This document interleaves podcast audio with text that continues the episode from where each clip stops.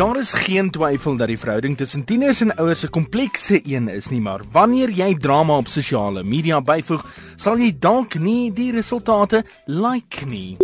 Nou in die ou dae het dit maklik gewerk. As 'n tiener kwaad geword het, het hy sy kamer binne gestorm en deur toe geklap en dis waar dit geëindig het. Maar deesdae is almal omtrent op sosiale netwerke en veral tieners en hul ouers. Nou daar is sekere dinge wat jy op sosiale media as 'n ouer doen wat dalk jou tiener verkeerd kan opvryf. Soos jy spog permanent met hulle.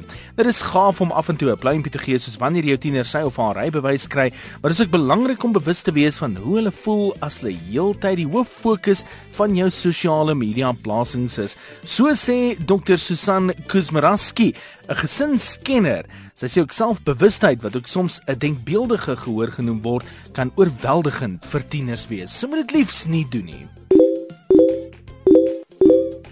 Daai is die klank van 'n ouer wat kommentaar lewer op hul tiener se plasings. Nou is niks meer verkeerd nie, maar jy lewer al ewig kommentaar op hulle plasings. Tieners wil graag hê ouers moet hulle digitaal volg, maar hulle verkies dat dit vanuit die agtergrond gedoen word. Hulle wil nie hê ouers moet 'n oorlas van hulself in die sosiale kommunikasie era maak nie.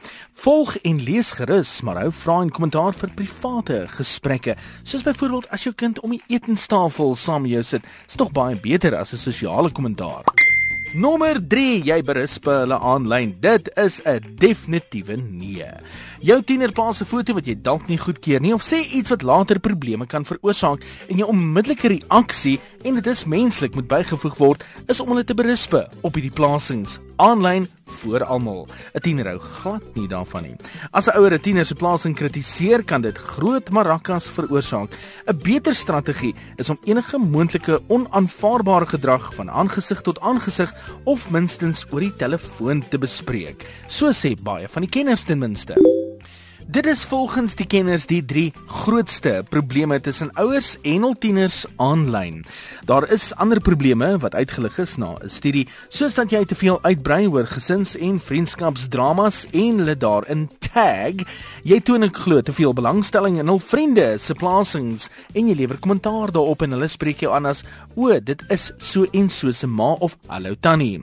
Jy toon ook dan te veel belangstelling en het 'n obsessie met oordadige gesinsfoto's vir al daai ou gesinsfoto's wat 10, 12 jaar gelede geneem is waar die kind nogal baie baba is, nê. Nee. En jy merk hulle in memes. Baie van die tieners hou glo nie hiervan nie. Hulle wil ook nie voorgesê word wat op hulle muur geskryf word nie en daarom kan dit marakas veroorsaak.